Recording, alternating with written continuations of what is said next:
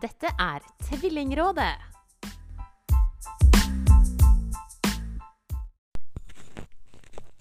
Ja, velkommen til Tvillingrådet, dere. Uh, Dette er Best of-episoden. Uh, og igjen så sitter jeg på badet mitt på Ullern, og klokka er 00.29. Uh, det er sånn som skjer når du kommer på at Best of-episoden skal ut i morgen klokka 05.00, og du har ikke begynt. Eh, men sånn er det. Det er ingenting ei tvillingmor ikke kan klare. Det har jeg nemlig lært av å lage denne podkasten. Så jeg tenkte vi skulle ta noen tilbakeblikk. Eh, høre litt på ting som har blitt sagt. Eh, noe av det har vært viktig, noe har vært veldig morsomt, og andre ting eh, har vært utrolig gjenkjennende. Eh, men bare sånn fordi dette har vært litt viktig for meg når jeg lagde denne podkasten, det var å få forankra en gang for alle at det er annerledes å ha tvillinger sammenlignet med å ha to tette, eller én, selvfølgelig. Så jeg vil bare begynne denne episoden med å spole tilbake til det Hedvig Montgomery sa om å ha tvillinger. Når du har tvillinger, så har du en problemstilling som er annerledes enn alle andre i klassen og alle andre i barnehagen ofte. Mm. Uh, og det er ganske viktige valg som blir tatt, ikke bare det første året, men uh, i forhold til barnehagevalg, i forhold til skolevalg, i forhold til om de skal bo på samme rom eller ikke, i forhold til sånne ting som gjør at du både kan bli mer uenig som forelder, mm. eh, og som også gjør at eh, du av og til havner i at det er godt å snakke med noen som står litt utenfor. Ja. Så jeg har fulgt mange tvillingforeldre her på kontoret. Ja. Uh, og så har jeg også noen venner som har tvillinger, som har vært veldig veldig fint å få lov til å følge litt nært. Mm. Mm. Så bra. Og Jeg synes, eh, sånn umiddelbart så er det, det er alltid godt for oss tvillingforeldre når noen bekrefter at det er litt ekstra. Det er ikke bare to barn i tett alder, men det er det samme utviklingstrinn og alt det der. Og det tror jeg vi kan aldri få understreka det nok, da. Nei, og det er også viktig å være klar over at det er vanskelig nok å ha to barn som er tette i alder i forhold til søskenrelasjon. Mm. Dette er en helt egen skål. Ja, heldigvis får en jo si at selveste Hedvig eh, der bekrefter at det er en helt egen skål å ha tvillinger. Og jeg kan godt fortelle dere at det er helt egen skål å ha katt òg. Eh, hvis lyden ryker nå, som han og Jo har vært kjent for å gjøre et par ganger i denne sesongen av Tvillingrådet, så er det fordi katten har spist tygdeavledningen. Nå gikk han heldigvis ned. Um, ehm, Iallfall det jeg hadde lyst til å snakke om litt uh, mer, var jo det der med uh, Jeg har blitt liksom forundra over hvor mange ganger jeg har spurt hva folk tenkte når de fant ut at de venta tvillinger, og så har svaret vært sånn Nei, men det, det hadde jeg liksom nesten alltid visst at jeg skulle. Akkurat som folk hadde en sånn en forutbestemt greie om at de skulle bli tvillingforeldre. Eh, og den første som gjorde meg oppmerksom på det, var jo vår egen daglig leder i Tvillingforeldreforeningen, Ragnhild. Eh, hun, eh, hun, hadde liksom alltid visst eh, og, og ønska seg eh, mange unger. Hør på det her. Men du, hva tenkte du første gangen du fant ut at eh, det var to inni der? Jeg ble kjempeglad. Jeg ble kjempe, kjempe, kjempeglad. Jeg, var det sånn at du håpet på tvillinger? Jeg var nok litt uforberedt på at jeg kanskje var gravid. Jeg var veldig, veldig tidlig gravid. Eh, men når jeg hørte at det var to, så var jeg bare overlykkelig. Ja. Det tror jeg alltid har gått rundt og ønsket meg. Og andre gangen, da? Andre gangen var en egen liten morsom historie på, for da var det veldig tidlig ultralyd. Og så husker jeg at jeg ringte hjem. Så sa jeg det var tatt en ultralyd, og det er to igjen. Og så var svaret jeg hadde jo blitt skuffa hvis det bare var én. Ja. Fantastisk. Det er ganske sporty, da. Mm. Men hvor uh, lenge er det mellom? Det er ni år. Så du hadde litt tid til å hente deg inn? Absolutt. Og jeg hadde vel sett på meg at jeg skulle ha den attpåklatten. Ja. Og så ble det to. Eh, men klart, den reaksjonen når du ringer hjem, da tenker du at da går det greit. Mm. Og så tullet jeg jo alltid når jeg var liten med at jeg skulle ha Bopsy-barna når jeg ble stor. Og det er jo to sett med gutta- og jentetvillinger. Og det tror jeg de har på videoteiper og det som finnes fra jeg var liten. Ja, det er jo ikke alle som får gleden av å oppleve to ganger eh, beskjeden om at du venter tvillinger, men da er det jo ganske sporty eh, å ta det sånn som, eh, eh som Ragnhild og jeg gjorde. Um, og så har vi jo hatt litt flere gjester i podkasten. Nå kommer katten igjen. Hei, Boost. Eh, og en av de er jo Victoria fra tvillingmafiaen, som eh, slår meg som kanskje et av de mest åpne menneskene i hele verden. Eh, og hun òg delte ganske åpent om ikke bare hvordan hun fant ut at hun venta to, men andre ting òg, faktisk. I går hadde jeg eggløsning. Ja. ja. Det, var, det var, gikk faktisk tre dager fra jeg hadde regna ut at jeg hadde eggløsning, og vi hadde hatt det hyggelig, for å si det på den måten, til at jeg oppdaga at jeg var gravid. Ja.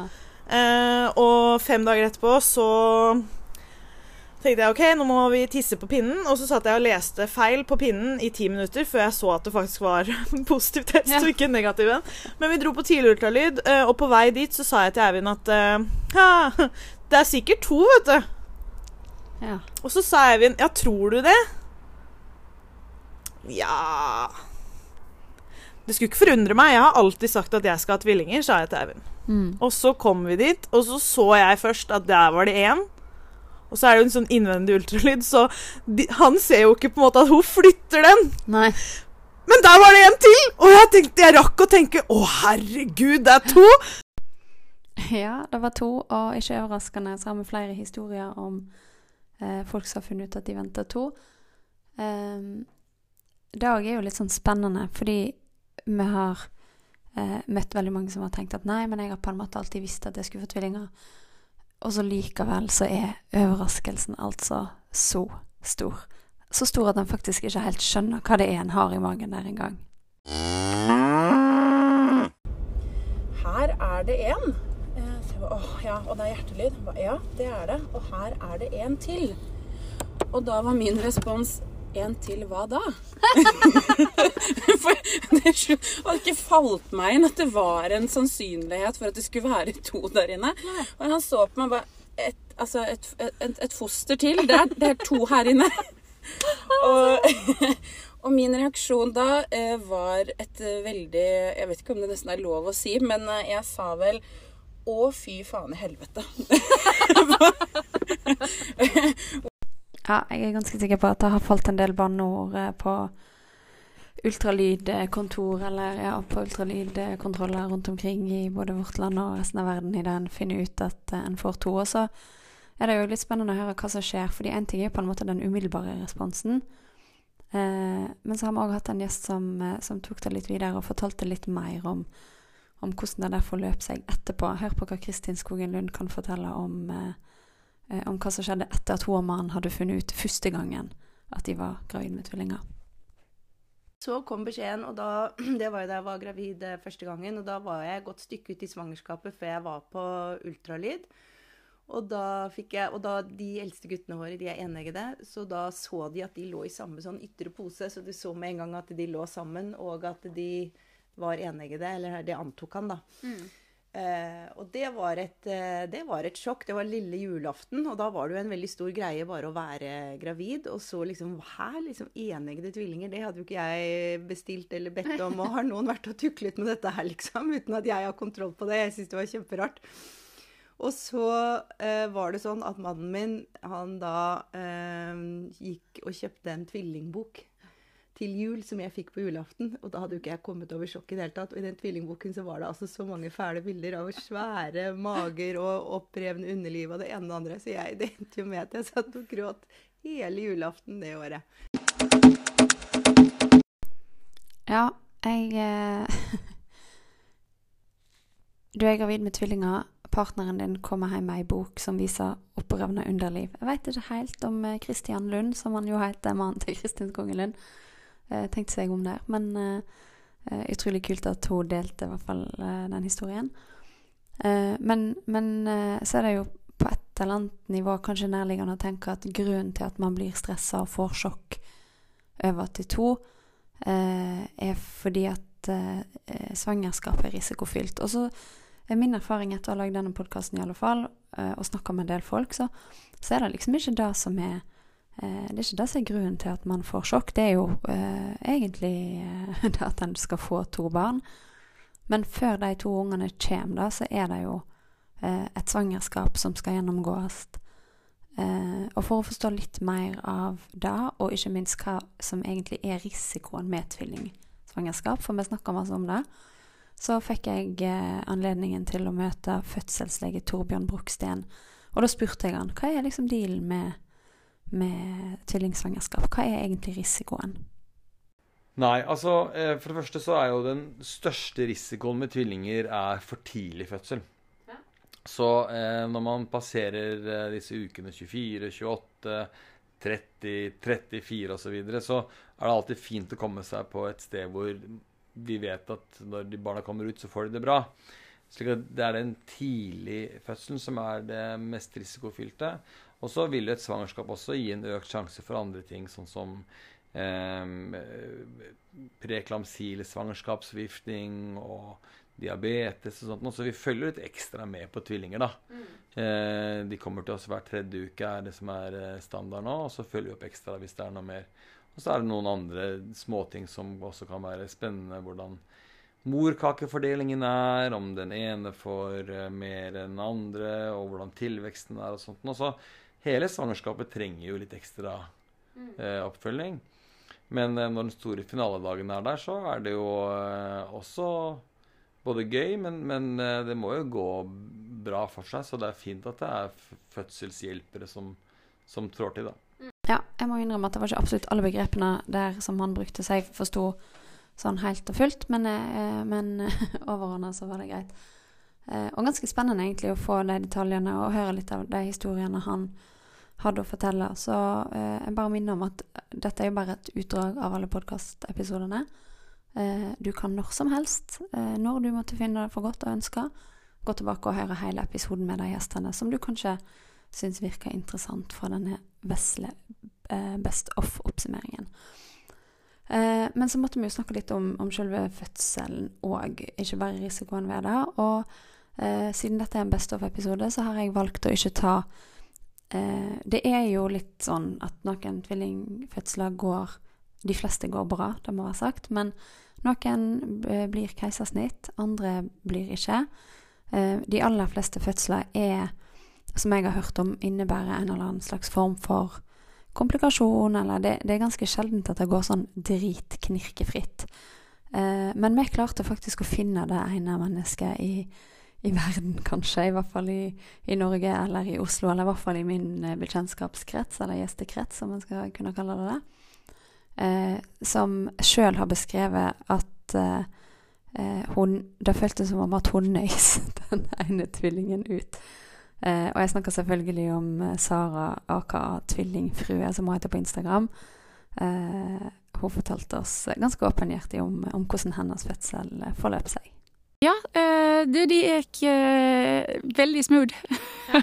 ja, jeg er en av de heldige som det bare gikk helt Ja, det gikk helt fint. jeg hadde en avtalt tid som jeg skulle bli satt i gang da, og det var i uke 37 pluss 1.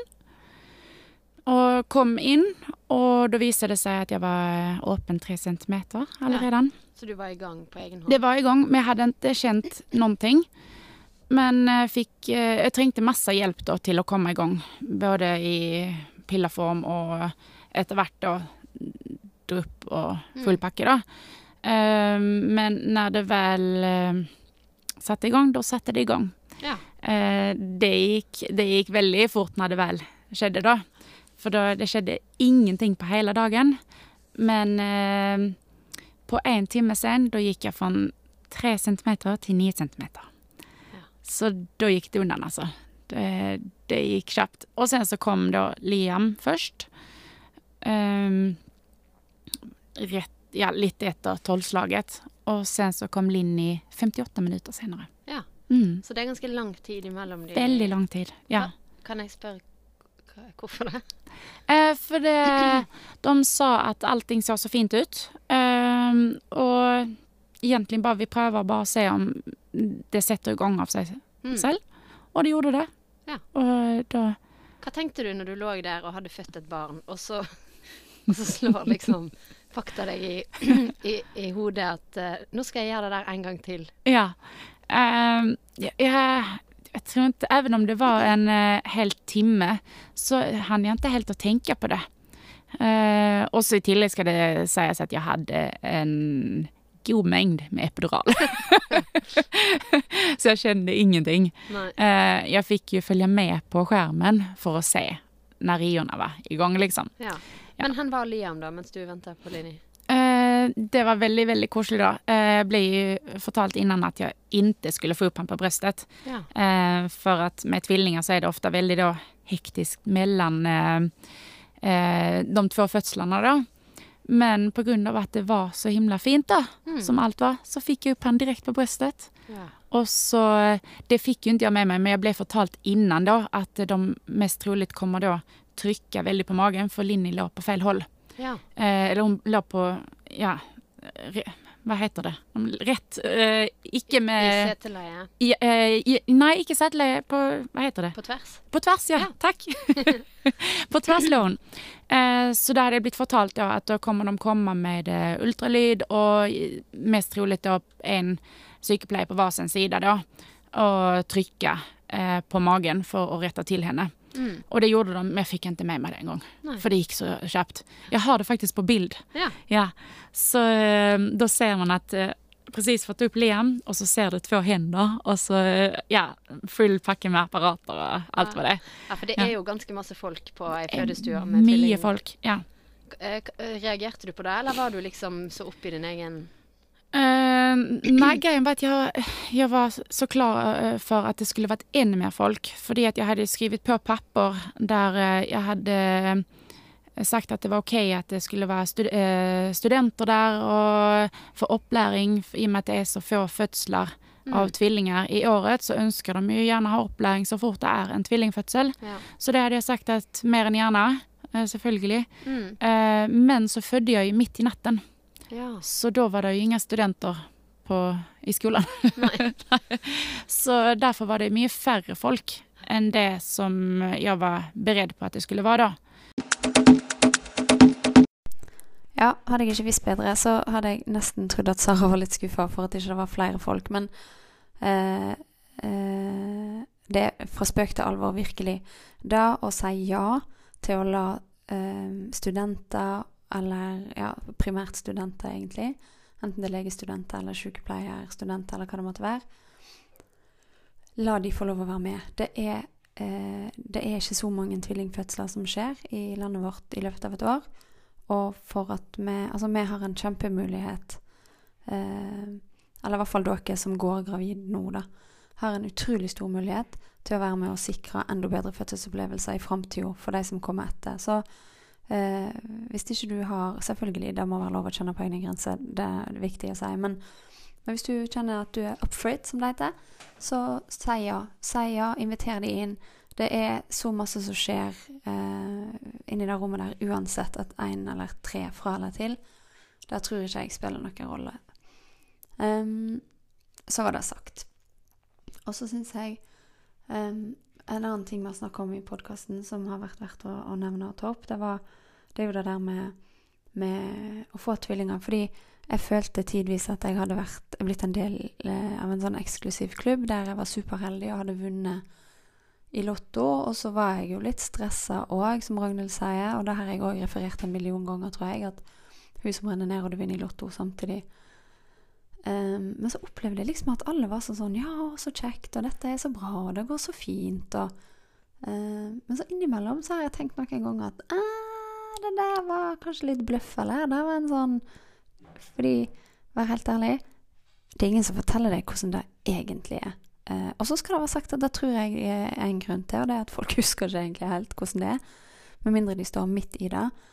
Eh, så før vi skal høre neste innslag fra Det var også Hilde, som vi har hørt litt på, på før. Eh, så, så tenk litt på det at det er tøft, men det er en fase, og det går over. Og mest sannsynlig så glemmer du det igjen. Bare hør på det her. Det er jækla tøft å få tvillinger. Mm. Eh, men jeg opplevde liksom at alle var sånn Å, dette blir så bra. Det er double, det er double trouble, sa han med litt sånn glimt i øynene. Og, så, og så tenkte du at ja, det er jo ikke så masse trouble, det er bare ha-ha, liksom. Fordi det rimer og sånn. Og så skjønner du jo etter et par måneder der at faen, det er jo skikkelig heftig. Mm. Eh, og vi hadde det som sjargong hjemme at det her var det ingen som fortalte oss om. Hvorfor er det ingen, hvor, Dette er det ingen som snakket om. Alle bare snakket om alt det fine, og, sant? men de vekker hverandre, og de eh, ja, alle de tingene Ja, noe av det jeg husker Eller jeg kan ikke egentlig si at jeg husker det, for det poen, litt av poenget er at jeg ikke husker det. Men, men eh, jeg tror nok jeg var eh, altså så psykisk borte de tre første månedene, sånn cirka. For de ble jo født eh, 15.9., eh, disse gutta. Jeg husker en gang sånn i midten av januar hvor jeg sto og så ut av vinduet hjemme, og så tenkte jeg Oi. Oi. Jeg følte liksom at jeg våkna. Har du kjent den følelsen en gang? At du liksom Shit, hvor har jeg vært? Ja. Hvor, hva, hva er det jeg har bedrevet de siste månedene med? Og så ser du liksom rundt deg, og du, du tenker plutselig veldig klart, da. Og det tok en, en stund. Og det, det har jeg tenkt mye på ettertid. Hvor eh, lite sånn eh, Eller hvor mye man gikk på autopilot, da. Ja, og Hilde var ikke den eneste som hadde det sånn. Eh, for det er ikke bare tvillingmødrene som opplever den der tåka for så å våkne opp. Bare hør på hva Peter Bubresko sa eh, om den første tida når han ble tvillingpappa. Det var en veldig rar tid. Og når jeg ser på bilder nå, tre år tilbake, fra liksom starten, så er det litt sånn Jeg ser at jeg er på det bildet, men jeg kan liksom ikke huske. Det er mye jeg ikke kan huske, da.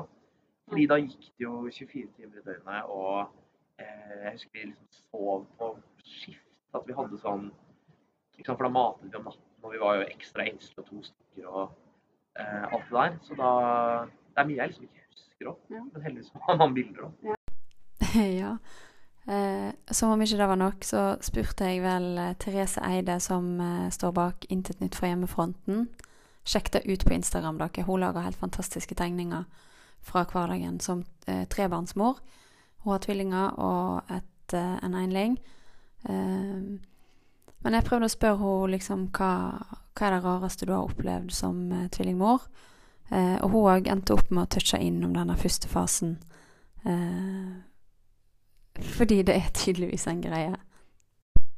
Det der ble, det der ble litt vanskelig. Der timer du rett og slett helt ut. Ja, eh, nei, det er Det skjer jo ting hele tiden, så eh, det jeg husker best, er jo faktisk de tingene som jeg har fanget på papiret. Eh, En del andre ting bare rett og slett forsvinner ut. Ja, fordi nå Vi sitter her faktisk med boka di foran oss, og eh, For det som skjedde nå, var at jeg spurte deg rett og slett hva er den crazieste historien er der.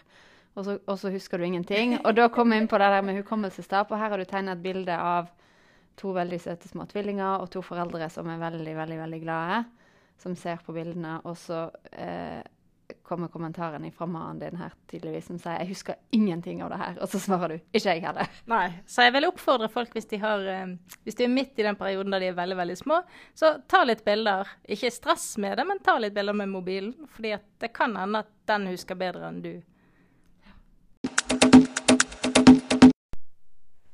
Ja, det er godt at vi begynner å huske litt bedre jo eldre de blir, da. Eh, og en sånn greie som fort blir en snakkis når tvillingene vokser litt til og blir litt eldre og blir litt mer selvstendige og får litt mer personlighet, eh, det er jo det spesielt med gutt-jente-tvillinger. Eh, om, eh, om, om den tendensen som ofte er til at jentene blir sjefete. Og gutten blir ikke nødvendigvis diltende etter, da, men uh, jenta tror i hvert fall at hun kan bosse han rundt. Jenta tror gjerne at hun er mora hans. Eh, og dette måtte jeg jo faktisk spørre eh, Peter Bubresko om òg, fordi han har nemlig gutt-jente-tvillinger. Eh, og han kunne faktisk bekrefte denne myten. Er hun mer sjefete? Ja. ja. Altså, ikke bare Altså, hun er sjefen. Ja. Og da, i- i lek og alt, egentlig, så er det Og det måtte vi jobbe litt med, for hun tok liksom litt vel mye styring en stund. Eh, Så nå har vi klart liksom å tone det litt ned. Men i lek og sånn, så er det nå i disse koronatider, så Det har jo vært det positive med det. At man kommer jo mye mer inn i deres verden, Mm. som er litt sånn fint.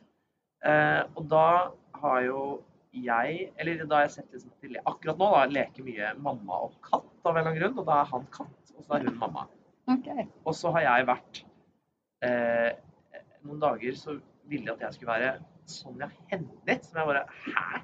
Hvor kom det fra? og så Og det skjønte jeg virkelig ikke. Hvem er det som har om henne? Det er jo helt absurd. Men så eh, kom jeg på at vi var eh, rett før eh, koronalockdown, så var vi på Henny Onsdag-senteret. Og da var vi innom, innom det premiesenteret til Sonja Hennie. Og det har tydeligvis satt seg, da. At, eh, så da måtte jeg være Sonja Hennie. Åh, jeg bare elsker det. Vi skal leke mor og katt. og du, pappa, du skal være Sonja Hennie. Jeg syns eh, det er så gøy, og den alderen mine og våre tvillinger er i nå, eh, der de liksom snakker om ting de egentlig ikke forstår, og eh, hvordan hun kjefter på han for at han ikke spiser opp maten sin, og han dilter gjerne litt etter, men samtidig så er det han som dominerer i visse settinger likevel. Og det er så mange ting med det å ha tvillinger som er så fascinerende, da, og som er så givende, og som gjør at, at uh, alle de der diskusjonene om Det var ingen som fortalte oss om det her, og det var ingen som sa at de skulle vekke hverandre uh, på nettene, og at uh, hvis den ene først sover, så, kan du ta deg F på at den andre våkner, eller at liksom, Hvis du tror at du har klart å gjennomføre en middag uten at noen har velta glasset eller fatet sitt og grista ut alt, så kan du være helt sikker på at liksom, når den ene har gått fra bordet og klart ting greit, så raser alt sammen for den andre, og så må, opp, må du rydde opp likevel. Um, men det er altså så mange fine uh, ting med å ha tvillinger, uh, syns jeg, og det tror jeg jo dere er enig i hvis dere sitter og hører på det her òg. Uh, men av alle de tingene som, som, gjør det fint å ha tvillinger, så er det én ting som blir trukket fram gang på gang på gang på gang av nesten alle som har vært i podkasten. Eh, og jeg snakker selvfølgelig om da båndet dem imellom. Så jeg har laga bare en bitte liten eh, oppsummering fra noen av gjestene våre som adresserer akkurat det der. Nei, det syns jeg jo er det, den, det, den, herlige samhørigheten og samholdet og kjærligheten eh, dem imellom. Altså, det gleder jeg meg sånn over. Det er helt fantastisk å se. Eh, det er eh, det båndet som jo egentlig alle sier, som mm. blir liksom kjedelig. Men det er jo fordi det, det, er så sant. Det er så sant å se på de to. Og jeg husker første gang jeg så at det opp, skjønte at de visste på en måte om hverandre, og da var de seks måneder gamle. Ja. Uh, så det er vel det som jeg kjenner på som er det beste ja. med at de alltid har med en legekamerat. At de alltid har en Jeg tror det er godt å ha en å krangle med og diskutere med også. De, de må bli gode forhandlere. Mm. Ja, det var ikke så mange, det var to. Det var Lene fra styret der i Tvillingforeldreforeningen og Kristin Skogen Lund. Men alle andre tvillingforeldre eh, som jeg har møtt i denne podkasten, har poengtert om det båndet dem imellom, og det vennskapet og den relasjonen Eh, og det skal vi snakke litt mer om, fordi neste sesong, i sesong to av podkasten, så skal vi ta for oss litt mer Nå har vi snakka ganske masse om det å, få vite at du venter tvillinger, og det å gå gravid med tvillinger, og det å få tvillinger. Litt sånn nybakt i hånda. Eh, neste sesong så skal vi fokusere litt mer på, på det der tvillinglivet. Eh, og så blir det selvfølgelig innspill fra fagfolk. Prematurforeningen har takka ja til å komme og snakke litt om hvordan det er å, å få premature barn. Fordi det er jo eh, gjerne vanlig det med tvillinger at de kommer litt tidlig. Eh, og så har vi vært så heldige at Ulrikke Falk fra Skam, serien Skam, hun er toegga tvilling. Så hun og søstera stiller opp for å snakke litt mer om hvordan det å være tvilling. Eh, og Linn Skåberg har eh, sagt at hun elsker tvillingprat, og hun vokste dessuten opp med ei mor som var enegga tvilling. Eh, så jeg tenkte jeg skulle høre litt med om hvordan det var. Eh, I tillegg til at vi har en del andre gjester som, eh, som enten er tvillingforeldre og et eller annet annet. F.eks. Magne Gundersen. Han er kanskje mest kjent fra Luksusfellen. Og, og, og, få litt innblikk i gode tips og råd, f.eks. når du har tvillinger, til det med økonomi.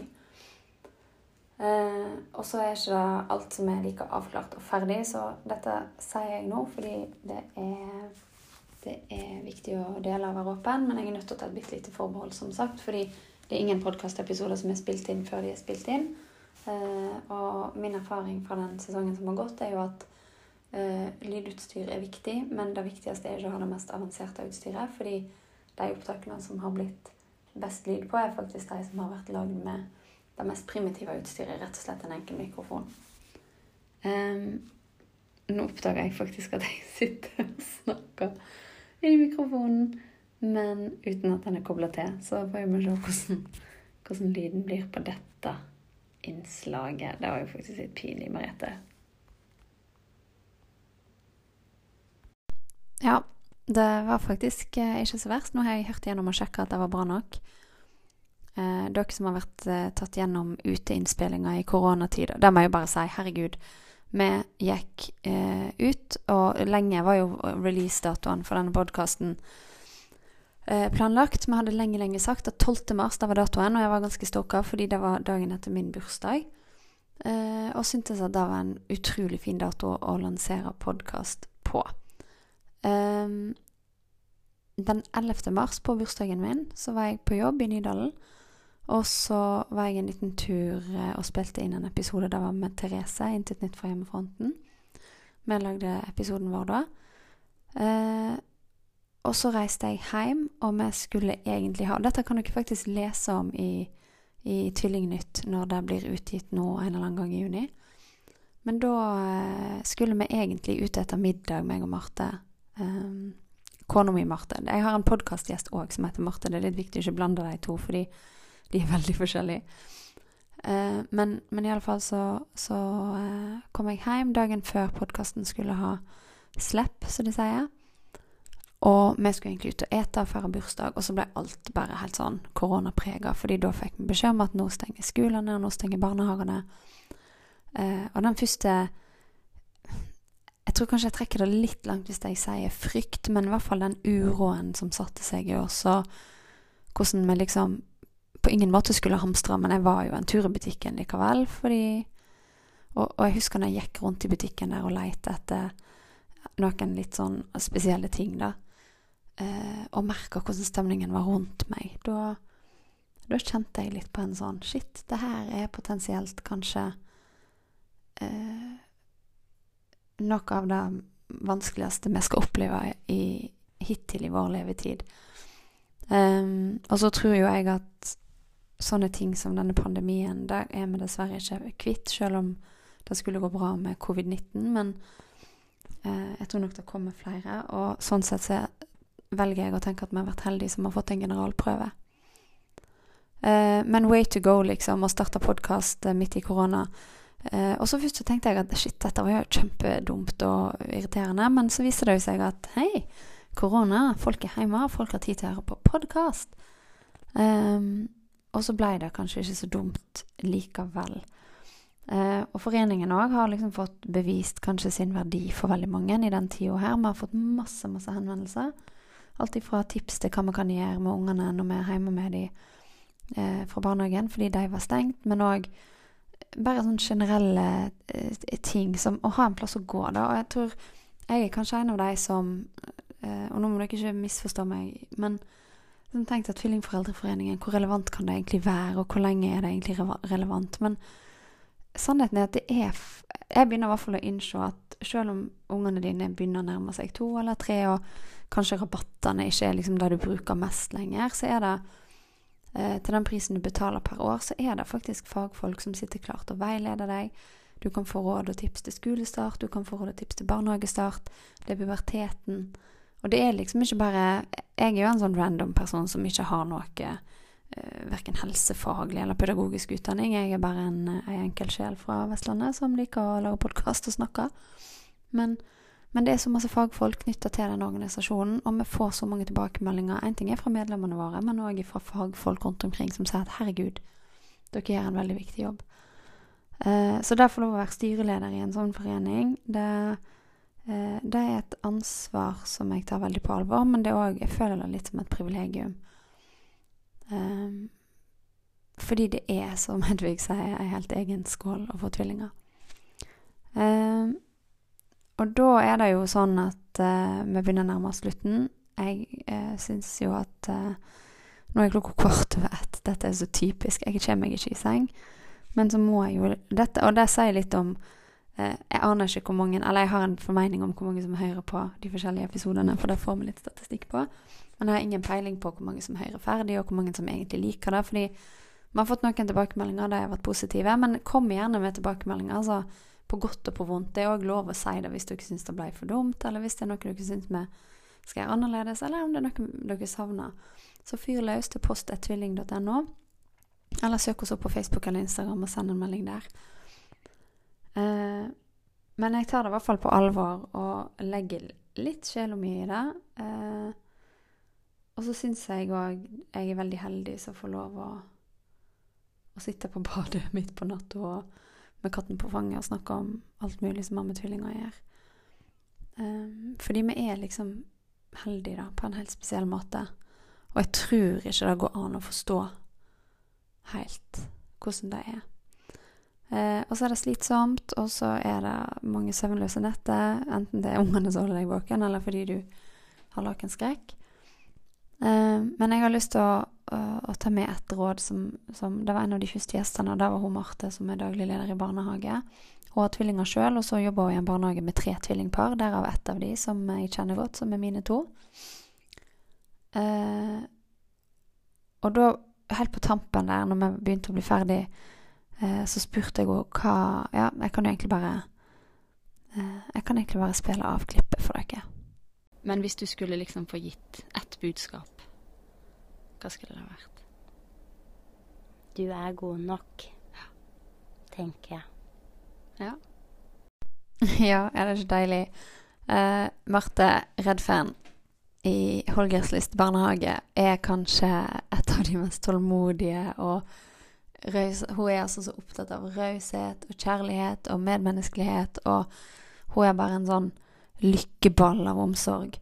Uh, og det syns jeg er litt fint uh, med det fokuset. Vi nyter godt av det. Men de som jobber i barnehage, da, se de tvillingforeldrene litt ekstra.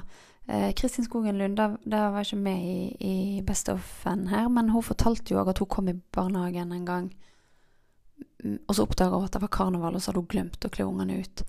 Og så ble hun møtt av en barnehageansatt som bare sa Hei, dere to, nå skal vi gå i, eh, i rekvisittrommet, eller hva det var han sa, og, og, så skal vi finne ut hva dere skal kle dere ut som. Og liksom gjorde ikke et nummer ut av at hun hadde glemt eh, karnevalet, og, og ungene merka heller ikke at ikke ting var sånn som de skulle. De tok for gitt at alle de andre ungene òg hadde vært på rekvisittrommet og funnet seg en outfit. Um, og det syns jeg var så fint. Og der er jo Marte da et prakteksempel på, på det å være raus. Og det er flere ganger jeg har skulle levere en hylskrikende unge og en unge som har det egentlig ganske bra. Uh, men fordi du er nødt til å bruke så masse energi og tid for den ungen som hylskriker, så ender det opp med at han som var happy, eller hun, blir lei seg. Fordi, sånn, så står du der, og så har du den vonde sirkelen, og så skal du egentlig rekke bussen eller T-banen eller toget eller jobben eller hva du nå skal rekke.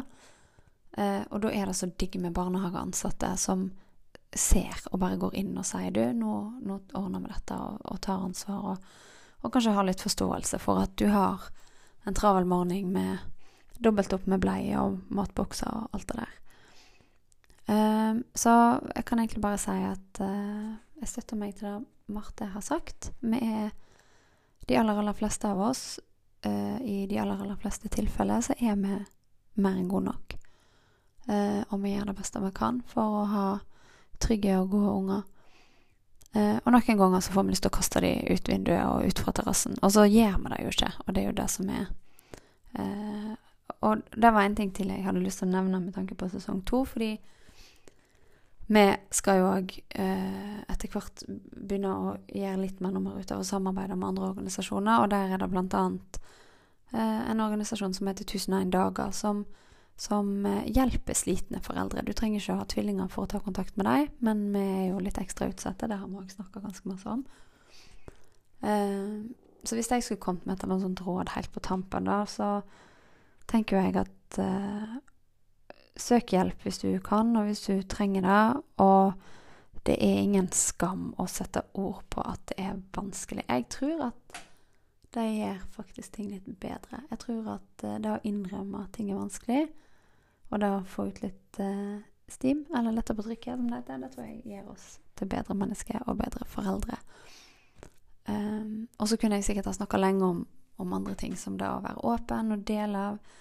Og igjen, ikke gå på akkord med dine egne intimgrenser og hva som føles naturlig for deg, men jo mer vi kan snakke om ting som er vanskelig i livet, uh, jo mer tror jeg at vi Jo bedre tror jeg at vi kan få det alle sammen.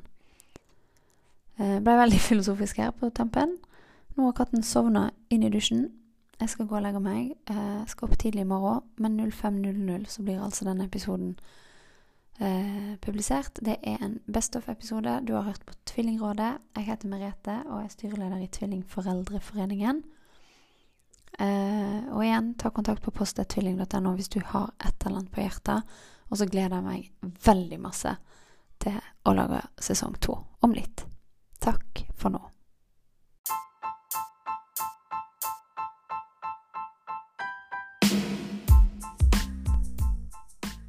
Du hørte på Tvillingrådet.